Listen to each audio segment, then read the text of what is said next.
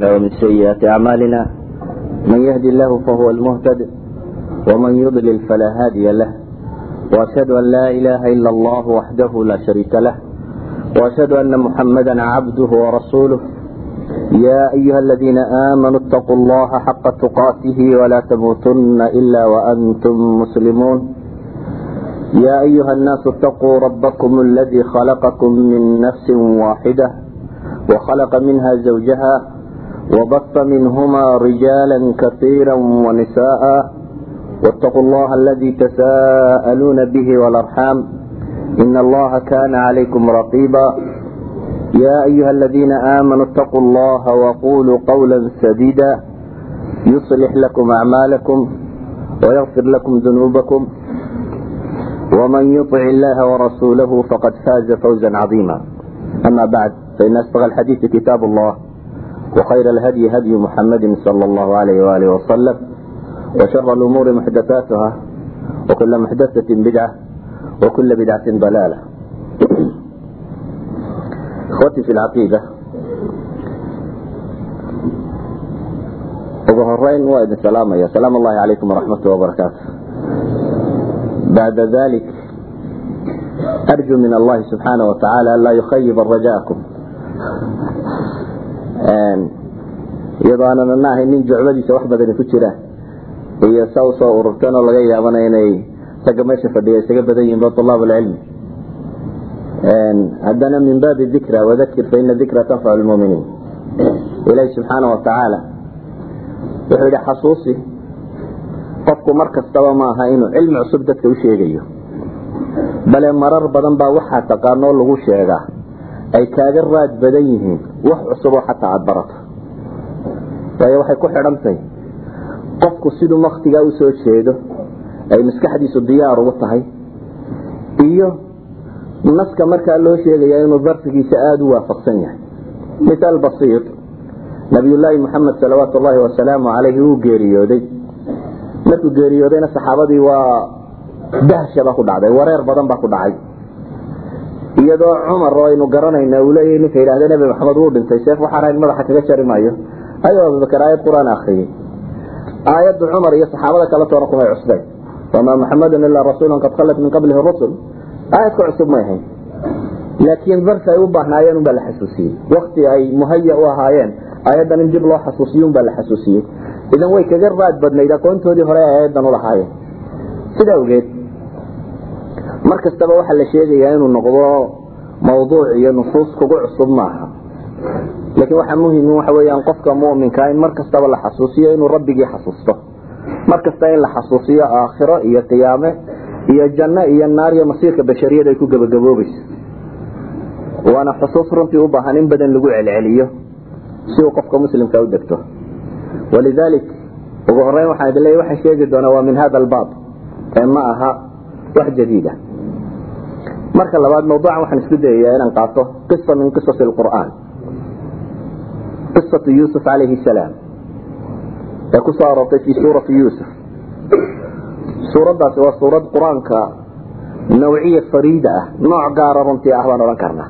Waayo waa suurad qiso qura bikaamiliha ka waramaysa qisadaasi oo waqafaad tiro badan oo kale nooca muujinaysa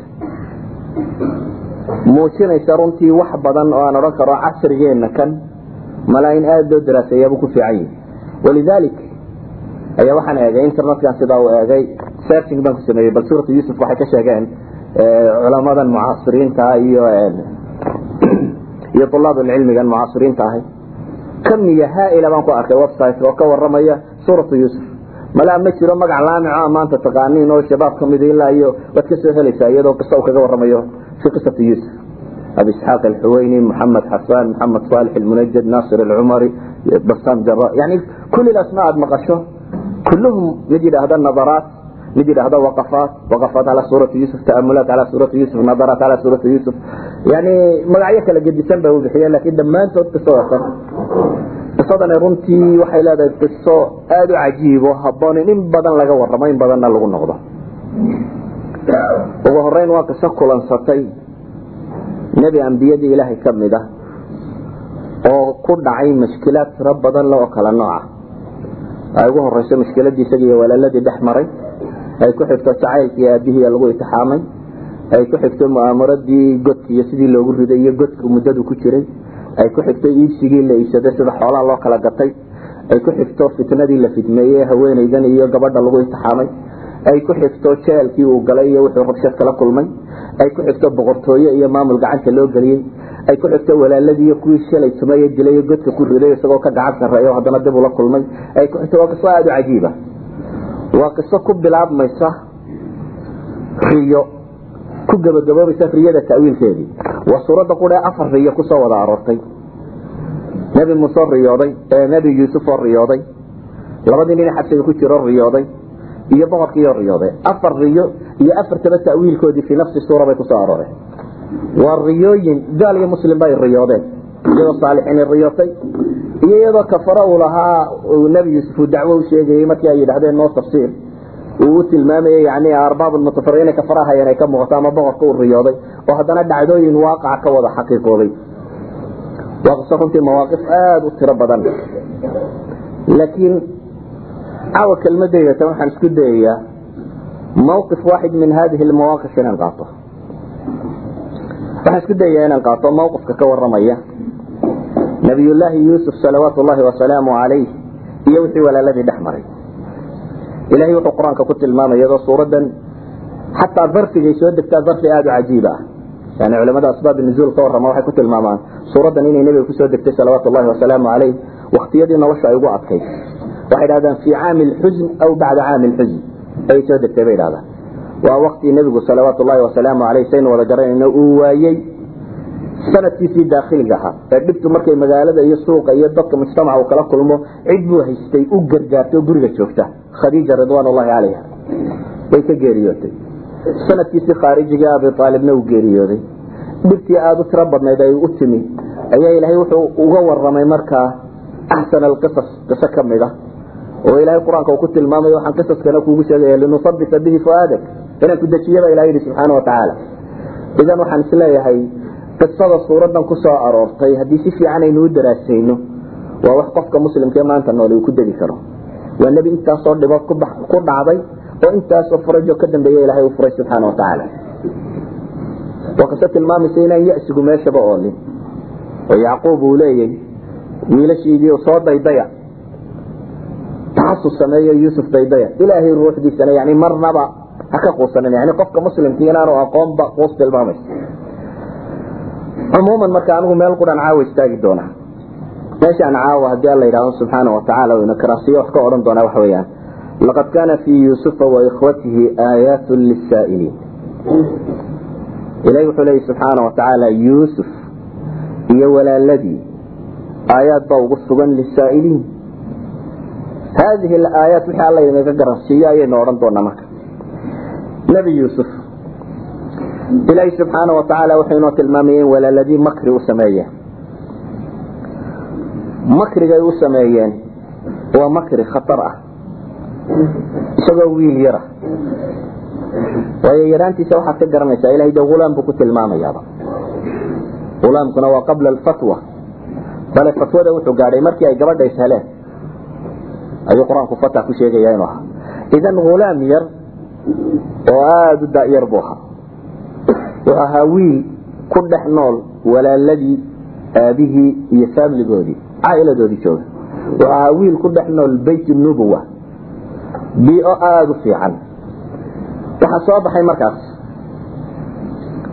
Nebi yuusuf walaaladii shaydaan baa wax sawiray. Wuxuu u sawiray in iyaga isagaa aabbahood ka jecel yahay. Wuxuu kaloo shaydaan u sawiray xalkii ay heli lahaayeen shaydaanku markuu wax suuraynayo qofku haddaanu qof aada u jeedo ahayn si fudud buu wax kugu sawira wuxuu u sawiray inay waxoogaa ficlaa sameeyaan yuusuf ay ka takhalusaan wuxuu fudaydiyey yuusufka takhaluskiisa iyo dilkiisu jariima iska fududanaysa wuxuu kaloo u qurxiyey waxa ka ratibmi doona waxa ka ratibmi doona laba shay bay ka dhigeen. Waxay idhahdeen yakhlu lakum wajhu abikum. Aabihiin gaar baynu isku noqonaynaa kaanama marka ay iyo kalgacalkiisa iyo jacaylkiisa ay heli doonaan. Iyo shay labaad buu qurxiyo ah. Yuusuf markaynu ka takhalusana waa iska toobad keeni doonaa bele badani ma jirto. Watakunu min bacdi qawmin saalixiin bay dhahday isaga dabadiina dad wanaagsan baynu noqon doonaa. Oo xaggaa lafteeda kamay rajo dhigin. Waxaad moodaa inuu shaytaan ilowsiiyey wax allaaliyo wixii ixtimaale kale masaladan ku jirtay. Ma odhan war jariimadiinani hadday ka sifanto maxaa dhacaya? Hadduu aabihiin idin ogaado ma dhici karta inaa xubbigii weydaan ma isweydiinin war walaalkiina yaraa isagu waxbaba idiin geysanin wax dhiba geysanin. Markaad gawracdaan ama se ku ridaan xagguu arrinkiisu ku dambaynaya. Ma isweydiinin war waxani ma fashili karaa mise ma fashili karo. Suura basiita bay qaateen oo ah sida ay jariimada u dhigeen inay u fuli doonto wax dhibina inaanay kala kulmi doonin iyaguna intaas inay helayaan.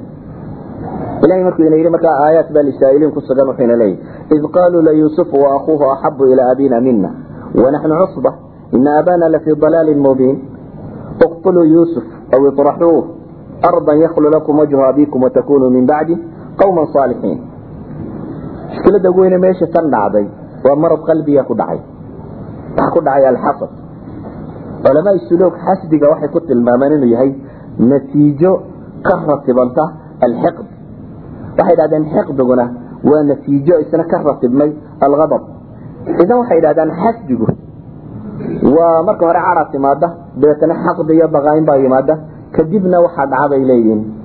Mansilada ama darakadaasi hoose ee la yidhahdo xasdiga ayuu qofku ku dhaca u gaadha. Kelimaadka culamadu ay tilmaamaan bakiina iyo il iyo bakda iyo daakila iyo daakila iyo dakan iyo waxaaso dhan waxay dhaha fi luga alcarabiya waa macna isku dhadhow. Meel qura wada tilmaamaya waxaynu meesha tan markaa arkayna. Mujtamac yar oo nadiif ahaa oo amraad qalbiga ay ku dhacday natiijadii ka soo baxday. Natiijadii ka soo baxday ko waxay noqotay in ay walaalo isku dayaan walaalkood inay dilaan ama dhul foggeeyaan ama lumiyaan. Natiijadii ka soo baxday waxa weeyaan yuusuf oo wiil yara in lagu rido god. Meel cidlaa ku yaalla oo isagoo hulaam yaro uu sii arkayo qaylinayo walaaladii ay yihiin kuwa ku ridaya sawir haadihi suura iyadoo walaaladaha intay ku qabteen cidla ku geeyeen.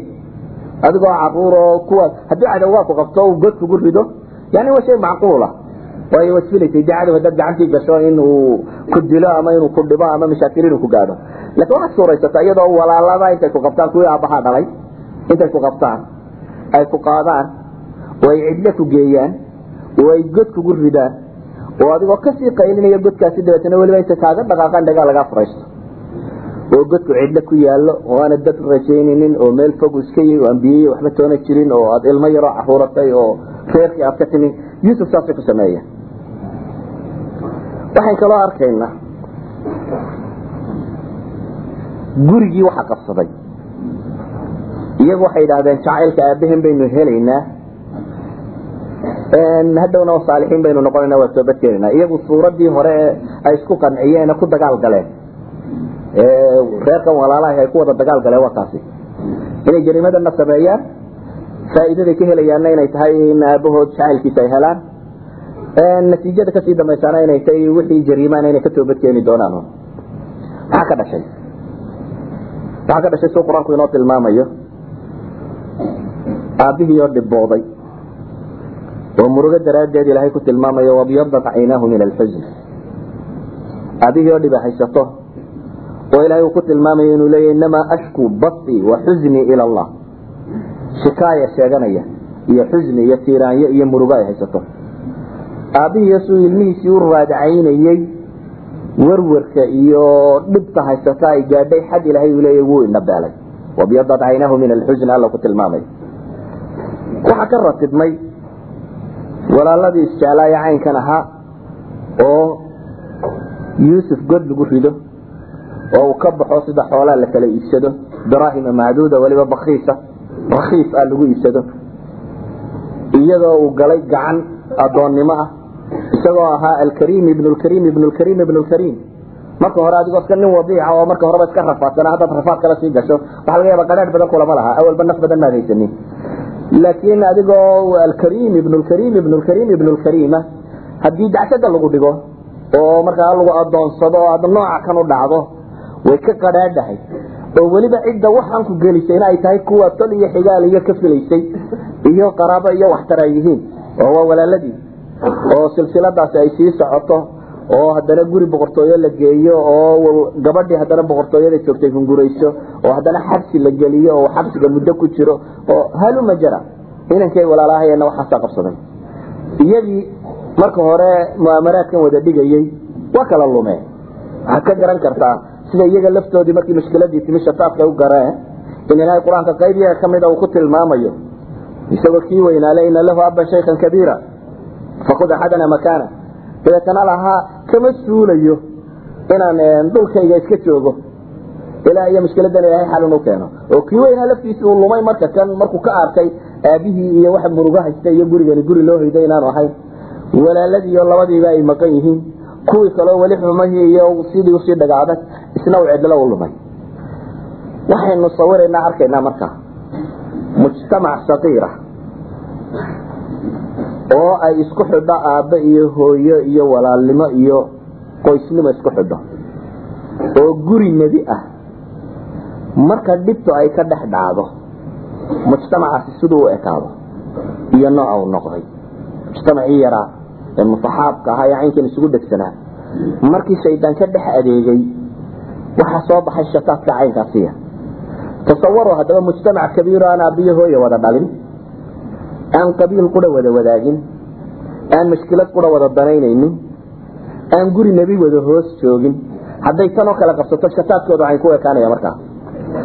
Yani misaal waxaa kuugu filan mujtamaci somal uma baahnid inaad meel kale raadcayso mujtamac somaal qaybo ka mid unbaa wax ismoodsiiyey dabeetna waxay dhahan wallahi hadaynu xoogaa bug iyo bug kaga siino baashuna waa iska dumi doonta wax waliba waa hagaagi doonaa watakunu min bacdi qawma saalixiina yaklu lakum wajha abikum weeyaan watakunu min bacdi qawma saalixiin laakiin sidii qolada qabsatun bay qabsatay min bacdi min qowm saalixiin inama soo bixin yaklu lakum wajha abikumna maynan helin shataadkiina waa kaa min mashriq ila almaghrib aakhiru dunya saalix iyo aalixba soomaali masaajidka ugu dambeeya dunidan tegey isagoo inaan soomaaliya tukinayo ku yaalla yani new zealand xagga kan north bolkana de way joogaan meela cadceed ka soo bixin bay joogaan oo kuwa tukadaana joogaan kuwa qayalaana joogaan meel cadceed ka soo bixin bay qaad ku cunaan kama soo baxdo. Dana qaad bay ku cunaan inta ka dhexlana dunida waa daadsan yihiin noocay u daadsan yihiinna waad arkaysaa. Masalada marka aan rabo caawo haddii aan ilaahi subxaana watacaala waxay naga garabsiiya inaan dhahdo waxa weeyaan haddii waqfada aynu qisatu yuusuf ka soo qaadanay ay inoo tilmaamtay ee ilaahay leeyahy subxaana watacaala laqad kaana fii yuusufa wa ikhwatihi aayaatu lisaa'iliin. Ilahay inoogu tilmaamay kitaabkiisa qur'aanka in aayaad ku sugan yihiin.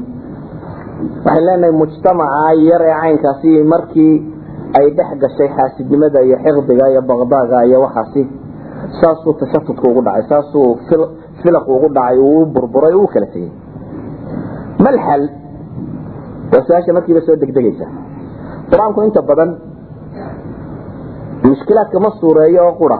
Yani baraacada in mushkilada la suureeyo qura ma tilmaamo.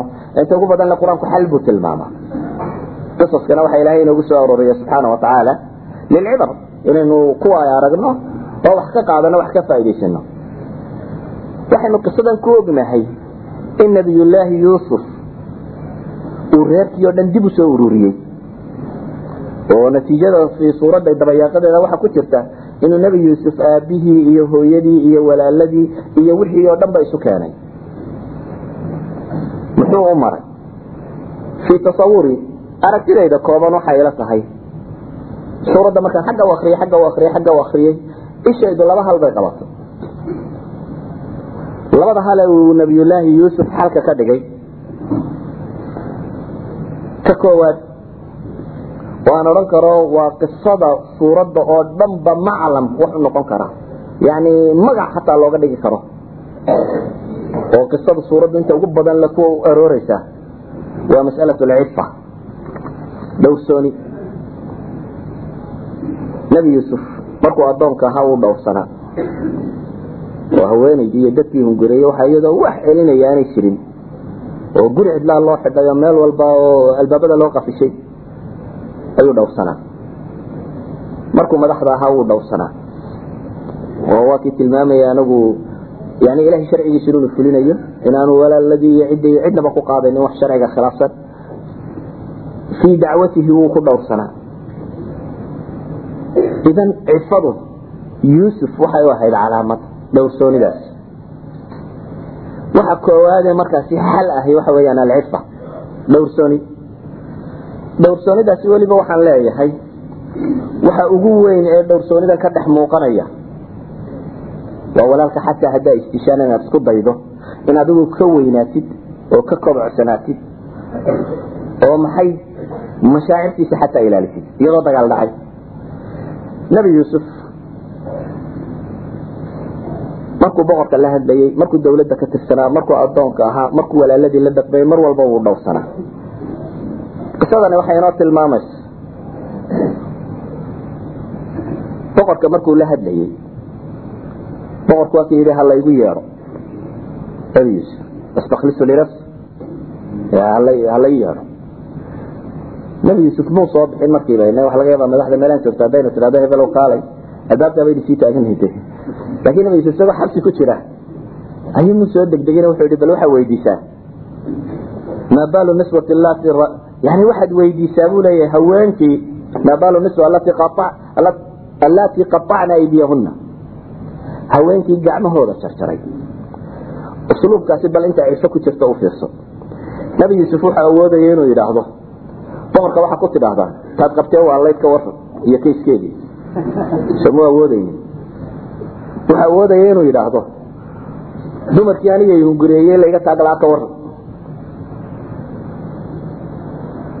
inuu afkiisa dhowro daraaddeed buu wuxuu maray. Wax allaaliya wixii isaga xidhiidh la lahaa inuu ka tago. Oo dhibkii loo geystay haweenkii ku heshiiyey waa xidhaynaa ama macsidu ku dhacaya ama sijniga waa wixii oo dhan intuu isilowsiiyey ayuu boqorkan khaatirkiisa uu iska dhowray. Wuxuu maray haweenkii faraha isgoogooyey ka warrama. Haweenkii faraha isjarjaray ayuu calaamad uga dhigay. Haweenkii gacanta isgooyey ka warram waxay tilmaamaysaa cifatu lisaani carabkiisu siduu u dhowrsanaa waxay sheegaysaa nabiyullaahi yuusuf isagoo boqora oo ilaahay subxaana watacaala mashaakilkii o dhan ka soo saaray. Inay u yimaadeen walaaladiioo baahani oo iyagoo baahan jayskii dhacay dabeeto uu dabaray oo ay isagii ku waajiheen in yasriq faqad saraka akun lahu min qabl maxaad yeeli lahayd kuwii godka kugu rigayay hadday haddana inta iskaa soo hortaagaan adigoo boqor ay yidhaahdaan in yasriq faqad lahu. Dhulkana waa xaday walaalkiiba tuug buu ahaa. Nebi yuusuf oo hortaagan oo boqoro madaxa ayay weli ceeb la sii daba socdaan waxay leeyihiin berigu yaraana kaasina tuug buu ahaa. Kay ku rideen. Maada qaala lahu? Ilaahi subxaana watacaala qur'aanka wuxuu ku tilmaamaya isagii yuusuf iyo siduu u dhowrsanaa. Dabeetana ilahi wuxuu leeyahy faasarahaa yuusufu fii nafsi walam yubdiha lahum qaala antum sharu makaana ilahi wuxuu leeyahy subxaana watacaala nebi yuusuf naftiisa ayuu ku qariyey. Hataa inu si badheedha ugu yidhaha waar idinkaa ka tuugsanaa idinkaa ka xun intaana mu odhanin ee ilahi wuxuu leeyahy hoos buu naftiisa ugu yidhi antum sharu makaana waxay sheegaysaa colaadiyadoo jirtay oo dhacday. Haddana si uu wax u mucaalajeeyo wax u daweeye nebi yuusuf inuu ilaalinayey dhaawacyada walaaladii ku dhacay ee geysteen inaan waxba saafin. Oo iska guud maro inuu dul qaato oo ka tallaabsado. Aanay wax weyn la muuqanin. Waxa muuqata cifaday yuusuf haddaynu eegno. Markay wada hadlayeene dambe. Ee uu ilaahi subxaana watacaala u mahad celinayay wuxuu yidhi waqad axsana bii id akhrajanii min asijn wajaءa bikum min albadu min bacdi an nazaqa shayطaanu baynii wa bayna ikhwatii haadi laaya muxuu suuraynaya xabsiga iyo godka iyoma daran godka. Waayo godka isagoo caruuru ku jiray. Cidluu ku yaal. Dad ma joogin meesha. Cunno iyo biyo iyo waxba toona ma yaaliin laakiin xabsigu intaana midna maaha xorriyadda ha lagaa qaaday laakiin xabsigu waa meel dad kugula xidhan yihi wada qur'aanka baa inoo tilmaamay qaar iyo weydiinaya iyo kuwa yimi in dad la joogo meel dad le bay ahayd. Meel wax laga cunaya bay ahayd oo de muddadaaba uu ku noolaa isagoo nin weyn dee da gaadhay ayuu galay. Idan markuu qofku mashkilaadkiisa sawirayo mashkiladii khatarta ahayd muu sheegin waayo mashkilada khatarta ahay waxay mashaacirta walaaladiibay waxyeelaysa. Wuxuu soo qabsaday tii qolada kale samaysay. Dabeetana wuxuu ka bilowday inuu yidhahdo waqad axsana bi id akhrajanii min asijn id akhrajanii min aljubni ma odhan id akhrajanii min asijni bu ilaahi subxaana watacaala waa ii samafalay oo waa i wanaajiyey. Markuu xabsiga iga soo saaray o markuu godka igu rideen iga soo saaray waa awoodi karay. Iyagana wuxuu ku yidhi mu odhan in idinkana bu'sigi iyo fuqarkii iyo beliya baaskii idin haysid iga abaaridii meesha ku noolaydeen markii alla idinka keene waa isaga sarbeebo wuxuu hi wajaa bikum min albadwi badwiguna ma wada gaajaysnade walaaladiina ceebtoodii ma taabane waa dulmar. Wuxuu kaloo sameeyey min bacdi an nazaqa shayطaanu baynii wa bayna ikhwatii dembigii wuu iska camimay kaanama isna qayb lahaayoo kale. Min bacdi an nazaqa shayaan horta shayaan baa la saaray. Dembigii o dhan oo iyaga waxa ay go'aansadeen muu tilmaamay waa midda kale wuxuu ka dhigay an nazaqa shayطaanu baynii wa bayna ikhwatii waa camimay mu odhan markii idinka shaydaan idin derderay godka igu rideen. Laakiin wuxuu leeyahay markii shayaan anigii walaaladayna kala dhex galay. Kullu dalik maxay sheegayaan? Waxay sheegayaan nabarkaad bogsiinyihiisa rabto inaad sii fadhin. Inaad qofka aad islaaxa ka doonayso ama wanaagaad ka doonayso ama aad khayrka la doonayso inaad la sii ficilsamin inaad isku dayin mashaacirta walaalkaa inaad un dhidato ama xagato. Inaad isku daydo mushkilad kastaa zaman bay leedahay zamanka inaad siiso. Oo u noqdo markaad heshiiska gaadhayso meel aan cabashadu badanin. Walidalika waxaan odhan karaa nebi yuusuf o salawaat ullahi wasalaamu calayh mushkilada tan wixii koowaad ku xalilay waxay ahayd baan lena qadiyat lcifa afkiisoo dhowrsanaaday. Oo isku dayay inuu in badan ilaaliyo si aanu dareemada walaaladii wax u yeelin. Ani mr shayga labaad ee qisada ka muuqda ee ilaahay subxaana watacaala tilmaamaya nebi yuusuf uu sameeyey waxa weeyaan. Xalka ugu fudud ee mujtamac lagu soo dumi karo waa masalat alcafw walaaladii markay isu yimaadeen wuxuu ku yihi qaala hal calimtum ma facaltum biyuusufa waakhiihi id antum jaahiluun qaluu ainaka la anta yuusuf qaala ana yuusufa wahada akhii qad mana allahu calayna inahu man ytaqi wayصbir faina allaha laa yudiicu ajra almuxsiniin qaluu tallahi laqad aafaraka allahu calayna wain kuna lakhaai'iin xasdigu cidda ugu horeysa u halaaga waa saaxiibkii ka ugu horreeya u go-a waa kan wada muxuu ugu jawaabay nabi yuusuf wuxuu ku yihi qaala laa tatriiba calaykum اlyawm laa tatriib calaykum اlyawm canaani walaalayaal maanta korkiina ma buu yihi yakfir illaahu lakum. Ilahay dembigiina ha dhaafay waa qadiyat alcafw waa xalkii labaad ee nabiyullaahi yuusuf salawaatu llahi wasalaamu calayhi masalada tan uu maray. Yakfir illaahu lakum wa huwa arxam araaximiin walidalik waxaynu odhan karnaa. Ayan kana almujtamac xalka ugu fiicani waa masalat alcafw mas'alada tan aan mawaaqif markaa kala tilmaamay si suuradda aynu bal waxoogaa u waadixin karno ama u ballaadhin karno nabiyullaahi moxamed salawaatu ullaahi wasalaamu calayh aswatu uxud baynu garanayna inuu galay. Dabeetana muslimiintii ay badhcaasiyeen bad bawaacistii ku jirtay wax iska bedeleen waayo rabu samaawaat baa ka waramay minkum man yuriidu dunya wa minkum man yuriidu alaakhira saxaaba ahayn ku ilahay ku lahaa la jabay. Jabkiisa ay riwaayaat axaadiis soo aroorinayaan uu gaadhay firdhadkoodi inuu madiine galo. Ragga badho iska tuureen seefihii oo iska fadhiisteen dawaq daraaddeed. Si a yari nebi maxamed salawaatu llaahi wasalaamu caleyh ay ku soo hadhay oo difaacaysay nebigu dhibtii soo gaadhay salawaatu llaahi wasalaamu caleyh axaadiista saxiixa ay tilmaamayso in dhib badani soo gaadhay oo ilkaha badjajabeen oo koofiyadii madaxu gashay oo dhabanada nabare ka gaadheen oo salaadii duhuru xataa fadhiga ku tukaday oo buurtii yarayd ay u wareegeen dhankeeda markuu korayay uu kori kari waayey oo saxaabi u fadhiisto uu yani waxaasoo mashkilada nabiga soo gaadhay salawaatu llahi wasalaamu caleyh mashkiladaa markii la xalilayay kadib ilahay wuxuu ku yidhi subxaana watacaala isagoo nabiyullaahi muxamed la hadlaya fabima raxmatin min allahi linta lahum walaw kunta fadan halida alqalbi lanfaduu min xawlik maxaa ilahay ku xalilay? Markaa facfu canhum wastakfir lahum. Ilaahay baa le markaa facfu canhum wastakfir lahum. Washaawirhum fi lamr u fiirso?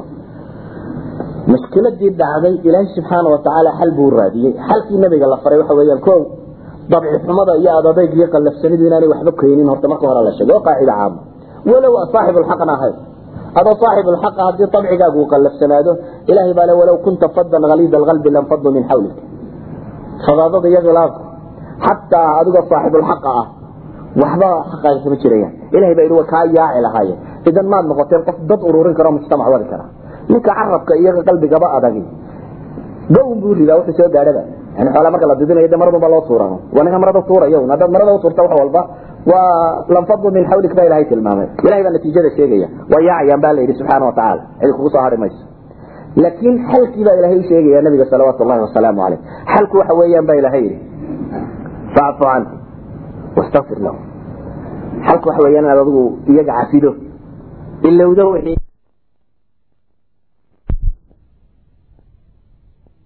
xalku waxa weeyaan baa ilahay yidhi facfu canhu wastakfir lahu xalku waxa weeyaan inaad adigu iyaga cafido. Ilowdo wixii ay sameeyeen iska dhaaftid weliba inaad ilaahayna dembi dhaaf u weydiiso. Ka saddexaad nimankii waxaa sameeyey talada inaad wax ka siiso washaawirhum fi lamri kuwa laleeya waa asaxaaba kulluhum cidna lagama istisnoon washaawirhum fi lamri baa ilaha yidhi subxana watacaala arrinkana maxay? Kala tasho oo wax ka sii baa alla tilmaamaya. Idan waxaynu arkaynaa inay tahay cafwigu cilaaj rasmiyo rabbaaniyo qur'aanku tilmaamayo qiso kale aan idiin sheego oo aa wada xasuusanteed xaadiat lifk sida axaadiista saxiixa ee wada garanaysaan ku soo arortay ee ilaahayba de qur'aanka uu ku tilmaamayo caaisha rag baa tuhmay iyo safwan ibn mucafal saxaabigii la odhan jiray waa la ceebeeyey waxaanu cuntamin oo aanay samaynin oo aanay ehel u ahayn ayaa lagu ceebeeyey ceebtaasi waa qiyaadadii ugu sarraysay wadankee ka jirtay ee nabiyullaahi muxamed salawaatu llahi wasalaamu calayh. Waa ceebayn dagaal kasta ka xoog badan. Waayo ramsiga ad eeganayso haddii wax la'aan laga soo qaado adna nin baadiyun baad noqonaysaa de walidalik maanta waxaa in badan muuqato aad arkaysaa rumuusda dadka islaamiyiinta ay eegtaan oo la tirtirayo. Ramsiga haddii la waayo dadka hoosena waa la waayaya nimankani ramsigii islaamiga ahaye la eeganayey ayay rabaan inay ka dhigaan wax la'aan. Gurigii nubuwada ayay beenta intaan le ka sheegeen. Beenta ha la sheegay ma been wakti yar jirtayba? Maya. Bil dhan bay magaalada madiine gilgilayd. Oan waxyiile ka soo degin. Shahar kamil baan waxyiiba ka degin masaladan ka warramaysa oo kuturkutaantii iyo dadku warkiu sii waday iyo wixiiba ay tiro bateen. Qisada anigu meesha maxalul istidlaalka qur'aan ka qaadanayna marka. Maadaama aan idin midda raggan hor fadhiya طulaab alcilmiga iyo aqoon idinma dheeri. Waa uun meesha aan ujeedo inaan idin tilmaamo. Meesha aan u jeedaa waa halka kan. Dadkii qisadan ka qayb qaatay waxaa ka mid a ah misbax ibn asaas misbax waa rajul muhaajir ah oo badariya ahlu badara. Maca dalik qaab afla unbaa munaafiqiintii ka badisay una warkii waa laga dhaadhiciyey waa rajul saalix ahlu badra ah. ahlu baderna dee maqaamkay ku leeyihiin dadka muslimiinta dhexdooda waa la garanaya. Laakiin haddana can ariiqin ma un inta shayaaiin ljini walinsigii isgargaarsadeen si unbaa loo geliyey. Dabeetana wuxuu ka qayb qaatay dadkii faafiyey buu ka noqday qisada tan ee eedan caaisho ka sheegay. Isaga iyo caaisho xidhiidka ka dhexeeyey muxuu yii waxaweyaan isaga hooyadii iyo abibakar baa laba walaalii kala dhaleen marka waxa weyaan abibakar iyo misbax hooyadiibaa habarwadaaga yani abibakr habarwadaagtiibaa dhashay.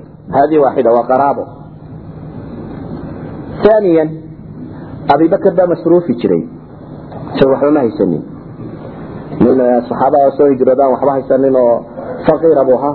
Abibakr markaa xoolihiisu ka nafaqaynayo isagaa biilinayey isaga hooyadii bareerkan isagaa biilinayay abibakr markaa maxaa ku dhacay?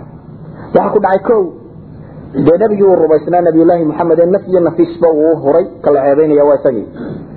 Aaniyan cidda ceebtu ku dhacaysa waa inantiisii. Uu dhalay.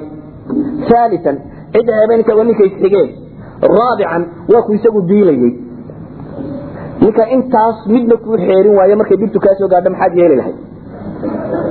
Abibakr ridwaan llaahi alayh waxaa la yidhahdaa weliba wuxuu ahaa markuu cadhoodo saaxibu sharaara. Yani aad buu cadho kulula marka uu cadhoodo. Abibakr wuxuu qaatay go'aana markaasi wax kale inaanu ugeysan laakiin ninkaa inaanu wax damba siinin xidhiidkiisa inuu ninkaas kaga tago. Ninka gurigii nebiga wax ka sheegay ee qaraabo dhowri waayey ee deyadii wax ku siisay ee mukaafaada kaa sugaysay haddaad ceeb ugu abaalguddo waa waxa aad u dhiba wuxuu qaatay go'aana ninkan iyo xidhiidkiisa inuu dhaafo oo iskaga tago. Laakiin qadiyada tani markay dhammaatay ilaahay baa subxaana watacaala wuxuu rabay bulshada muslimiinta inay ishaysato oo xal loo helo. Maxaa ilahay qadiyadan ku xalilay ilahay baa qur'aan cirka ka soo dejiyo leh. Walaa ya'tari ulu lfadli minkum wasaca an yu'tuu uli lqurba wlmasaakiina wlmuhaajiriina fi sabiili illah waliyacfuu waliyasfaxuu alaa tuxibuuna an yakfir allahu lakum wallahu gafuuru raxiim ilahay xal wuxuu ka dhigay. Waxaa la leeyahy subxaana wataala war kuwa ilaahay dheeraadka iyo ballaadka siiye ilaahay gacantooda waxgeliyey yay qaraabada iyo tolka iyo dadka sokeeyaa jare iyo masaakiinta iyo muhaajiriinta. Intaba misbax buu leeyahy waa miskiin waa muhaajir waana qaraabo. Yaan la jarin baa ilahay leeyahy subxana watacaala ilahay markaa muxuu yidhi walyacfu had dhaafaan baa ilahay leeyahy subxana watacaala abibakar baa la amraya afwi abibakar u samee baa la leeyahy walyasfaxu xagga ha ka jeestaan oo haayo wixii dhacay oo dhan ha ilaabaan baa ilahay leeyahy subxana watacaala maxaa ilahay ku celeeyey? Alaa tuxibuuna an yakfir allahu lakum. Imisaad ilahay xaggiisa idinku kalaad ka samaysaan baa ilahay leeyahy yani qof walaba markaad xisaabtanto imisumaad gaftaa?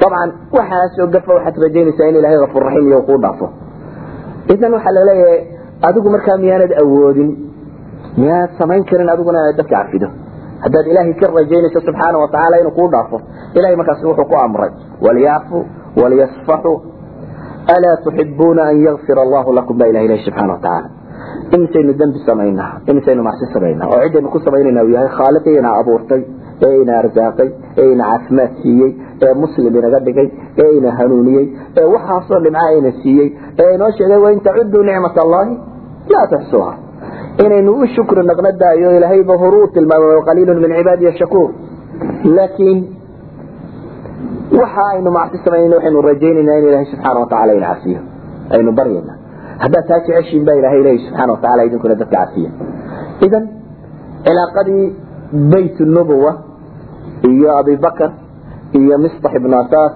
iyo saxaabadan iyo muslimiintan ka dhex dhacday. Ilahay wuxuu ku xalilay walyacfuu walyasfaxuu alaa tuxibuuna an yakfir allahu lakum.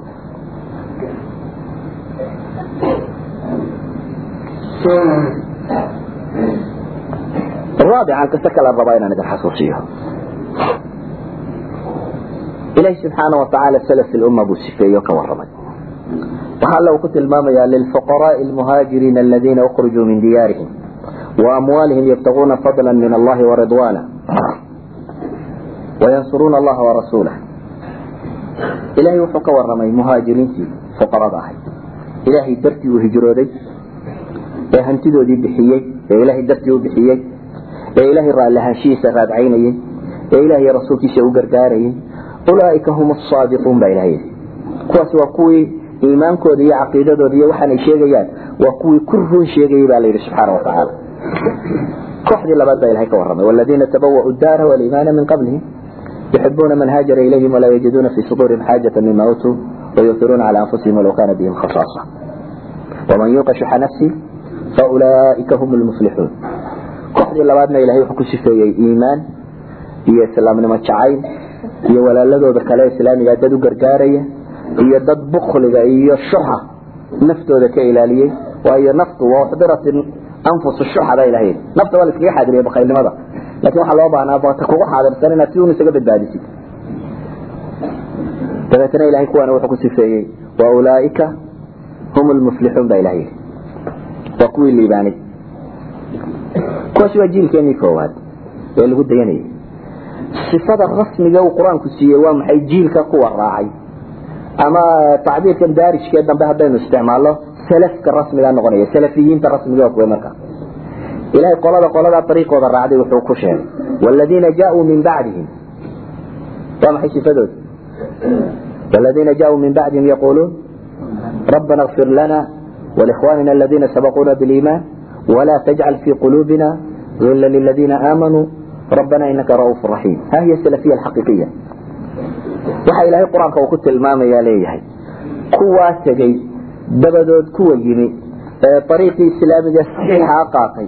Waxa weeyaan baa ilahay yihi kuwa leh rabbana اغfir lana wlikhwanina aladiina sabaquuna biliiman ilah anaga iyo kuwii iimaanka nooga horreeyaba unaxariiso waa kuwa le baa ilahay leeyahy subxaana watacaala walaa tajcal fii quluubina gila liladiina aamanuu. Ilaa hilli iyo xaqdi iyo xumo qalbiga iyaga ha u yeelin kuwa maxay? Iimaanka laga helay lahaa laa tasriba calaykum alyawm wax weynba kuma haynba anaaniba korkiina ma aha buu yihi yakfir illahu lakum almu'min waxa la rabaa qalbigiisu ina saaf iska ahaado dhibtu inay jidhkaaga gaadho iyo agagaarkaaga iyo adduunkaaga iyo waxaas laakiin qulubtaada inaan dhibtu gaadhin inaad isku daydo qalbigaaga inaad ilahay khaalis yeesho oo nadiif ku ahaado wixii dhibku soo gaadhaya hadday xadhigta iyo hadday dilta iyo hadday dhacta iyo hadday boob tahayba jidhkaaga sare ha gaadhaan laakiin qofka muslimka ah waxaa muhima inuu noqdo maxay qof qalbigiisu aada u saafi wey dabeetana qoladan salafiyiinta ilahay wuxuu ku sifaynaya inay yihiin kuwa leh. Ilaahay u naxariiso walikhwanina aladiina sabaquuna biliiman walaa tajcal fii quluubina gila liladiina aamanuu ikhwatii fi lcaqiida waxaan leenahay xasdiga kan iyo dadkan ishaysigan tirada badan leh iyo waa ifaat dad xunxun ilahay ku sifeeyey. Wada kaiiru min ahli kitaabi law yuraduunakum min bacdi iimaanikum kufaaran xasadan cindi anfusihim ma la kataba waxay waxaasoo diina u diidayeen uga hortageen ilahay waa ku sheegay maxay? Xaasidnimo inay ahayd min cindi anfusihim min bacdi ma tabayana lahum alxaq waliba iyadoo xaq uu caad yahay xaasidnimo daraaddeedun inay balyo baas ka dhigeen. Ilahay kuwa sidaa u xaasidayuu nabiga wuxuu ku yidhi facfu wasfaxuu xataa yaatiya allah biamri in allaha calaa kuli shayin qadiir. Waxay leenahay mujtamacaadka ishaysta uuna qolaba qolada ka dambaysa oonay nacdashaa. War waa sifaatu ahli naarka ahlu naarka ilahay wuxuu ku sifeeyey qur'aanka ma maqasheen ilahay wuxuu yihi kulamaa dakhalat ummatun lacnat ukhtaha baa ilahay yidhi. Marka qola soo gashaba kuwii ka horreeyin bay sii nacdalaana qaarba qaar bay kaga sii saaraana. Mujtamacuun inba inta ka horreysay unu haysta haddaad aragto waa sifo aan fiicnayn. Waayo ahlu naarka ilahay wuxuu sifo uga dhigay. Kulamaa dakhalat ummatun lacnat ukhtaha. Ama ahlu jannaha ilahay wuxuu ku sifaynaya wanazacna ma fi suduurihim min hil wasfigooda waa kan. Wixii qalbigooda ku jiray oo dhan in ilaahay subxaana watacaala uu ka fayday. Waa kaasi xadiidkii bukhaariy uu tilmaamayo nebigu salawaatu llahi wasalaamu caleyh yakhlusu lmu'minuuna min annaar fayuxbasuuna calaa qantara bayna aljannati wannaar fayuktasu libacdihim min bacdi almazaalim kanat baynahum fi dunya xataa idaa hudibuu wanuqu wuxuu nebigu sifaynaya dadkan la saafi yeeli doono idan kulama aad qalbigaaga saafi yeesho waxa weeyaan ariiqa ahlu jannaha haysaa ahlu janno ariiqa lagu yaqaana waxa weeyaan asxaab alghilli walxaqdi walxasdi inaanay gelin in la saafi yeelo oo nabada laga dhigo. Ikhwanan calaa sururin mutaqaabiliin. Waxaynu leenahay axaadiista asaxda iska taqaanin saxiixu muslimka ku yaalla riyaad saalixiinka ku dhigan meelahana dhor. Waxau nabigu tilmaamaya albaabada jannada in la furo isniinta iyo khamiista oo loo dambi dhaafo likulli cabdin laa yushriku billaah. Adoon kastoo aan ilaahay cidna ugu shariik yeelaynin ilaa rajulani ilaa rajulan kanat baynahu wa bayna akhiihi shaxnaa qoladan labadan cashe dembigooda la dhaafin waxaa kamida buu nebigu yidhi mid isaga iyo walaalkii dhexdooda ay taallay maxay? Dhibi ay taallay dabeetana ilahay wuxuu yidhaahdaa andiruu haadayni xataa yastalixa. Xadiisi saxiix muslim ku yaal. Labadan warkooda ukaadiya baa la yidhaha iyagu ilahay ka soo heshiinayaan labadan inta ay saafiga ka noqonayaan qadiyadooda ukaadiya baa ilaha yidhaha dadka kalena waa la cafiya idan haddaynu rabno in aynu mushkilaadkeena xalilo waxaan leenahay mushkiladu bilow inaguma aha. Waynu soo tilmaamnay qisa qisaskii nebi yuusuf ka mid a iyo gurigaa yare bayt nubuwa ah iyo wixii dhib ka dhacday iyo marka meesha shaydaan ka adeego siday u ekaato iyo reerkii yaraa wixii uu ku dambeeyey. Lakin waxay leenahay qisada waxay kaloo inoo tilmaamaysaa xalkii meesha jiray. Xalkuu nebi yuusuf qisadaasi u marayna laba suura unba aniga iyo cad.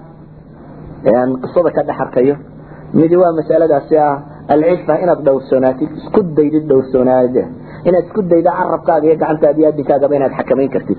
Waayo waxaynu wada naqaanaa inuu nebigu ku tilmaamay muslimku inuu yahay maxay? Kay ka nabad galaan muslimiintu? Min lisaanihi wayadi gacantiisa iyo carabkiisa. Bale walaalkaa inkastoo uu kacaayo oo kumaago haddaad adigu nabadgeliso oo adigu aad isku daydo cifada inaad qaadato waxa la rabaa inaad adigu guulaysatay waxay idhahdaan aqsa alcuquuba qof bini aadama lagu dhuftaa bay idhahdaan waa iyadoo qofku intuu dhib kugu sameeyey aada cinda almaqdira adigu abaalgudkiiso iska dhaaftay adoo awoodo inaad goosato intuu qofku dhib kugu geystay mushkilad badan kuu geeyey haddaad qofkaasi iska cafido lagama yaabo inuu mas'aladaa weligii ilaabo. Dibna inuu kugula soo dhaqaaqo lagama yaabo. Waayo wuxuu xasuusan yahay wuxuu kugu sameeyey iyo iyo waxaad ku samaysay. Yani waxaasu dhiba mar kugu sameeyey haddaad weliba adigii wax tartay ama wanaag u samaysay yakjal mar labaad inuu noqdo ti yakjal runtii qofka caadiga ah. Walidalik baa ilahay qur'aanka wuxuu inoogu tilmaamay idfac bilati hiya axsan faida aladii baynaka wa baynahu cadaawatu kaanahu waliyun xamiim baa ilahay ku tilmaamay. Waxaan leenahay war haddays odhanin cuquubaba maaha waa cuquuba baynu leenahay. Aqsa alcuquuba aad qofka mariso inaad iska cafido. Adigoo awoodi kara inaad goosato ama intuu ku yidhi in ka badan aad tidhaahdo ama intuu ku yeelo in ka badan aad yeeli karto haddaad iska cafido. Gobonnimada la sheegaa waa taa. Gonnimada la sheegaana dee waa uun qujraafka iyo ficiltanka iyo hebel baa gumada ku calaashtay aadna gumadun hay. Idan waxaan kelmadeyda ku soo koobaya horaan idin idhi dee cilmi cusub ma sheegayo. Oo cilmi ma jiro aan idin dheerahay laakiin waxaan jecloon inaadan xasuusiyo fi hadihi suura runtii oo daraaso badan u baahan. Mawaaqif badan la iska taagana u baahan. Mawqifka aynu caawa iska taagayno wuxuu ahaa inaynu eegno gurigaas iyo dhibtii soo gaadhay iyo wixii lagu xalilay. Qisadii nabiga salawaatu llahi wasalaamu aleyh iyo saxaabadii iyo qur'aankana aynu saddex qiso oo kooban ka soo qaadanay xaadisatu lifk iyo qadiyatu uxud iyo aayaadkaasi suurat alxashri ku jira wasfiga siinaya dadka muslimiinta saalixiinta ku yihiin hada ma aqul intii aan garanaya in caawa isla hadha waa intaasi iska soo koobaya. Wallahu aclam billahi tawfiq asalaamu calaykum waraxmat ullah bismillah. Ugu horeyn waxaan ka cudur daaranayaa oo in badan aan ku celcelinayaa. Waan jeclayna in aqbashaan muftina maihi aclamna maihi wax badanna ma garanayo aan ka jawaabo. Macalin baan ahaan jiray. Macalinkuna deris buu diyaariya haddii deriskii aan sharxay madmadow ugu jiro meel la fahmi waaye ay jirto wixii aan sheegay waa isku daya inaan mar kala caddeeyo. Laakiin hadday tahay khaarij hada almawduuc oo aan mawduuca ku saabsanayn dee waxaan filayaa nairobi culama aad u badan baa joogta oo mashaayikha ahlu cilmiya wixii su'aale fataawiya cilmiga u baahantihiin inay iyaga weydiisaan. Ana idan waxba xujaynin mala su'aalaha dambe casriga la isweydiiya waxa weeyaan balan hebel eegana halkuu taagan yahay. Halka muslimiintu ma iska joogaayo waxba hadi waxida su'aan alamr masalada walaalkay tilmaamay alcawlama waa kelmad af carabiya tarjamo laga keenay reer galbeedka globalization. Waa in dunida laysu furo. Yani cawlamo iyo new world orderku ama nidaam alcaalam aljadid faraq baa udhexeeya labada eray. Laakiin cawlamadu cumuuman waa globalizationka waxay ku sheegaan waa in dunida o dhan laysu furo. Oo waagii hore waxaa jiray ama united nation ha noqoto ama cid kale ha noqoto khusuusiyaad thaqaafiya oo mujtamacaadku ay leeyihiin oo mujtamac walba loo ilaaliyo khusuusiyaadkiisa thaqaafiga oo aan international law iyo digdig kale iyo wax kaletoona aan la soo gelinin saa daraaddeed mujtamacana caqiidadiisa ama wuxuu rumaysay ama dhaqankiisa ama caynkan ma jiri jirin. Iminka waxa weeyaan xoog baa soo baxay. Dunidu dee berigii hore waxay ahaan jirtay sharar badan ba ha ahaatee sharar isqaabilsan oo tadaafucu ka dhaxeeyo oo ducafado iskaga hoos joog joogto. Laakiin shuruurtii mid qura geeska la baxay kii kale waa la riday markuu mid qura geeska la baxay wuxuu arkay inuu ka dhigo wixiisu inay yihiin qiyamka ama xaqiiqada dunida u baahantay in la gaarsiiye lagu qiimeeyo. Maalan maraykan ama dunida qaybta xoogga sheegatay waagii hore markay wax ka hadlayaan waxay odhan jireen waxaanu ilaalinaa our interest. Masaalix baanu leenahay masaalixda ayaanu ilaalinayna hadda waxa ka horeysaba waxaanu ilaalinaa bay dhahay our values and interest. Value waa muctaqadaadkii iyo qiyamkoodii iyo mabaadidii iyo wixii la rumaysnaa idan wadan dhan hadda waxaa lagu qabsan karaa dee waa iska aragtay dictator baa ka taliya ama dumarkay xaqiraan ama waa hamaam cusub oo la samaystay. Idan waxa weeyaan globalizationka la sheegaya khusuusiyaadkii thaqaafiga ee bini aadamku lahaay oo dhan inta la masaxo in thaqaafo qolan quri ay leedahay laga dhigo reality waa sidatan in iyada laga dhigo global. Oo markaasi iyadu noqoto miisaanka wax lagu qiyaasayo dadku siduu u dhaqmayo siduu soconayo adawaadkeediina waa la samay oo masalan albas ilmubaashir markuu dunida ku soo kordhay. Fadaa'iyaadkan ay yidhahdaan baska mubaashirka baska mubaashirka waagi hore t v-gu wuxuu ahaa jiray. Wax la ururiyey dabeetana cajalada lagu duubay dabeetana meesha la keenay dabeetana la daayay imika waa bas mubaashir yani dhacdada kubadda lagu cayaarayo dunida dabadeeda. Ayaa labada tiime kubadda cagta kala qaadaya la daawanaya. Idan xawla alcaalam waxaa la rabaa caag yaroo la neefeeyey oo laba birood lagu dhex tuurayo in bashariyada dunida ku nooliba ay daawato waktiga lagu lumiyo. Hol the world. Bal qiime caag la neefeeyey intuu qiime leeyahy. Waa maxay waxa ku jira ka soo baxaya. Yani kubadda waagii hore markay ahayd masalan markay ahayd wax jidhka lagu dhisto oo dee qofku lucda intuu cayaaro hiwaaya laakiin imika waa profession waa profession schooling leh school laga barto lagu takhasuso la yidhahdo hebelkaa yara kuusan si kubadda u laado afartan milyan ba adinkiisa la siistaa yani waa waaxid min ciyaal suuqa magaalada ka mid ah. Mujarad inuu bahashan xoog u laad yaqaano in la yidhaha. Marka globalizationku really markaynu eegno adawaadkiisiina wuu helay. Oo ikhtisaaskana ah tacadud iljinsiyaadka ay wada leeyihiin. Yani dhaqaalaha kan la odhanayo shirkada waxaa le mujtamac tiro badan le dowladaba ka xoog badan iyo dowladaha dunidaba iyo iclaamkan isna dee gurigaagii wax udhigaya intayna halkan fadhida guryaheenii rag baa waxu sharxaya new york fadhiya tvga markay salaatushadataa la eego ninkan wax sharxaya waxaanu dhigayo waa deris laga soo bixinayo mawaraa dunya. Oo rag ay thaqaafadoodi iyo waxay wadaan. Markaan soo koobo malaa iska masaajid salaadna waynu sugaynaa diinna waynu ka warramaynay. Gaaliya warkeedna waa ku soo dhex darray globalizationku waa nidaamka la rabo in dunida o dhan laysu furo. Cawlamadu waa min alcaalam bay ka timi marka in wixii caalamka o dhan la wada gaarsiiyo oo caalamku de unity ay sheegayaan uu isku wada si u ekaado kalar qura in la wada mariyo. Dadka ama dhaqaala ha noqdo ama qiyam ha noqdo ama values ha noqdo ama waxbarasho ha noqdo ama iclaam ha noqdo ama wuxuu ha noqday rinki qura inuu yeesho dunidu oo dhowr ka midab inay shar yihiin sheekho waxaan rabaa inaan ku weydiiyo inaad noqdo nin caalima oo diinta islaamka su'aasha la weydiiyo ka jawaabi kara. Marka meeqa sanay sheekh ugu qaadan kartaa. Runtii su'aashan aydin ku qofsasheen ba aniga igala qurux badanta horeba. Igalana wanaagsan. Waayo qof rabaa inuu ilaahay diintiisa barto waa wax aada u muhima wax adagna maaha haddaan laysku adkaynin. Waayo inaan wax adag ahayn waxa tilmaamaya. Salaf ilumma markaad dib ugu noqoto dhowr iyo toban jiray muftiyiin ku ahaaye. Dhowr iyo toban jiray muftiyiin ku ahaaye. Waxaan odhan karaa da'dan maanta jira muu jirin imaamu nawowi muu gaadhin. Da'dan maanta anigu jiraana ka weyn imaamu nawowi waktigu ku dhintay. Nawowina wuxuu dunida kaga tegay waa garanaysaa ana cilmiga u qoray. Idan qofku inuu fatwoodo ama darajo fatwo uu gaadho iyagoo shabaaba bay gaari jireen. Imaam shaafici dhowr iyo toban jir buu ah markuu calaamada la waxweydiinayo ahaa sufyaaniinku dhalinyaray ahaayeen markii culamada waaweyn la weydiinayo ahaa cabaadiladii saxaabadu dhalinyaray ahaayeen markii wax la weydiinayay dhowr iyo toban jiray muftayo ku ahaayeen laakiin waa maxay? Waxay heleen manhaj daraasiyo fiican culamo wax aqoona wax dhigaysa biico saalixoo lagu kobci karo o inaga biicadii saalixayd waa inugu yartay oo biicadu fasaadkeeda iyo dhibteeda iyo mashaakilkeeda aada buu tiro badayay iyo humuumteeda iyo waxay sitaa aaniyan manhaj daraasiyo fiican aynu ka fikirnay ma lihin. Weliba waxaan odhan karaa abnaa'i saxwaha dambe. Kii xertiibaaba dhan laga qaatay.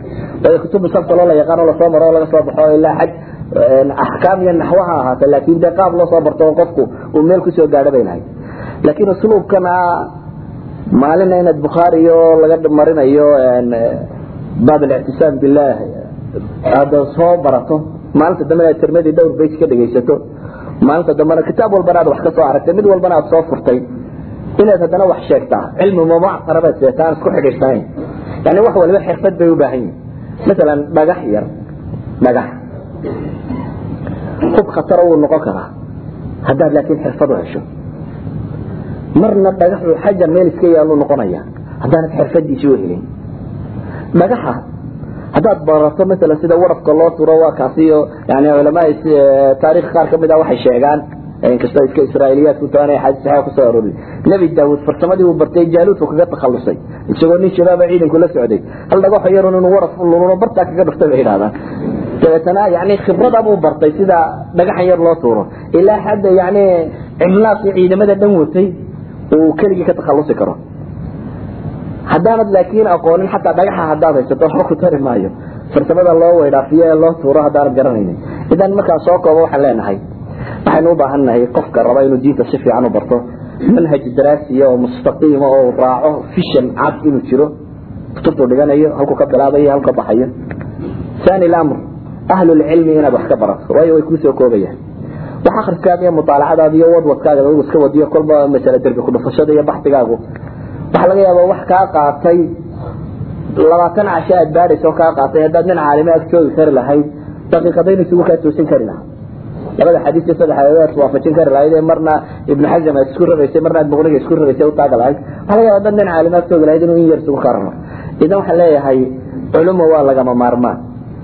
Waayo xataa haddaad salaf sitadhi wax ku samayn karto liikhtisaari lwaqt baktigu ku gaabinaya. Juhdina waa lagama maarmaan. Oo dadka culamada muslimiinta la yaqaano markaad dib ugu noqoto waxay wax wada barteen. Waktigeenu inagu hurudnada. Yani markaad baadha waa lagu ohanaya hebel. Sheekhiisa wuxuu soo mari jiray oo uu naxwa iyo sarfiga ku akri jiray qabla salaati subx ma malaynaysa subax hortee daris u soo kaca inay leen. Kuwii hore ka kaalaya xataa culamadii dhawaanta dhimatay mucaasiriinta intaan doctor doctorka iyo jaamacadaha marka laga tago culamadii ka horeysay ee dakaatirada soo saartay taariikhdooda marka baadho waxaad wada arkaysaa ku badan hebel qabla salaati al-fajr buu sheekha wax ka bartay jiray ama uu kitaaba ardaya sheekh shuldiga iyo daris intaan salaad subax la tukanin waa runtii dee dadkani say juhdi u bixinayeen baad arkaysaa. Marka wax kastoo juhdi lagu bixiyo waad ka midha dhalisaa jaamacaadka juhdi baynu ku bixinaa waanaynu ka midha dhalayna injineer baad noqonaysaa saa dambe. Shalayna waxaad ka amuumo aan waxba aqoonin. Laakiin macalinna waad heshay jaamacad baad tagtay professoraad heshay syllabus baad heshay time baad siisay juhdaad gelisay then you will be a doctor. Aad noqonaysaa waa la mid wax kastoo bini aadamku uu juhdi ku bixiyo.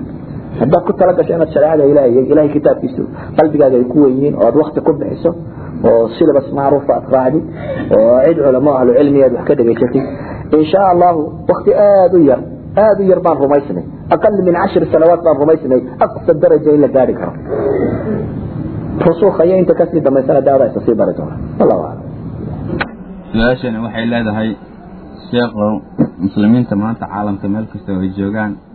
Waxaa ku dhacay niyajab marka sheekhow maxaad kula talin lahayd? Masalada tan walaa dadka alfa shubha baa lagu akriyey alfa daliil baa ubahantiisa haddii shubhaadka la tiro badiyo tv-ga iyo iclaamka iyo waxaan oo dhan waa deris raba inuu kuu laqimo war waa lagaa xoog badiyo seexo waxba ma haysatid ama na aqbal wax allaali wax la sheegaya waa intaa deriskay wadaan yani tv jariidad raadiyo wax oo dhame hal deris bay sheegayaan jawaanib kala gedisanna way ka sheegayaan deriskaasi wuxuu yahay you muslims isdhiiba you are the losers gamekii waa la cayaaray beeshii knockout baa laydi siiyey. Dan wayna isku dhiibtaan all waxay sheegayaan waa intaa.